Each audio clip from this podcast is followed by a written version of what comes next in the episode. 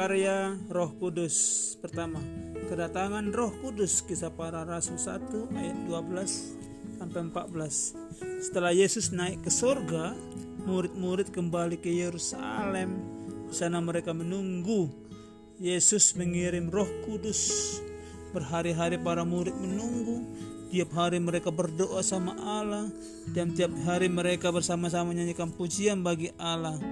Suatu hari mereka semua berada di ruangan besar dan mereka mendengar suara aneh. Ini seperti angin ribut. Murid-murid memandang sekeliling dan mereka melihat ada lidah api datang. Nah, seperti lidah api kecil. Lidah-lidah api kecil itu dihinggapi kepala murid-murid. Tiap murid dihinggapi, dihinggapi satu lidah api kecil.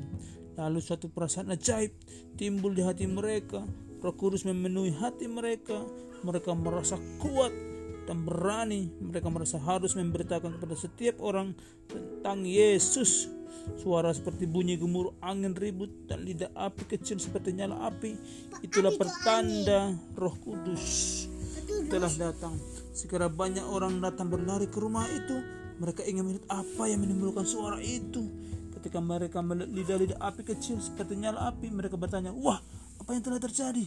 Petrus berdiri dan mulai berbicara dengan mereka. Kata Petrus, Roh Kudus telah datang. Itulah yang kamu lihat dan yang kamu dengar. Lalu Petrus bercerita tentang Yesus. Katanya, Yesus datang dari surga. Allah mengirimnya. Ia melakukan banyak hal untuk kamu. Tapi kamu memakunya di kayu salib.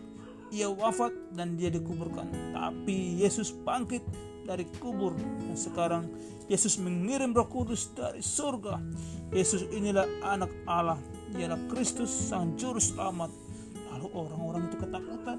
Yesus adalah anak Allah dan mereka memakunya di kayu salib. Orang-orang bertanya, apa yang harus kami lakukan? Apa yang harus kami lakukan Petrus?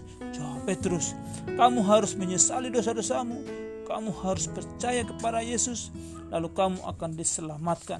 Sungguh, banyak yang percaya kepada Yesus pada hari itu. Roh Kudus masuk ke dalam hati mereka. Mereka dibaptiskan dan mereka bersuka cita bersama Petrus dan murid-murid lainnya. Amin.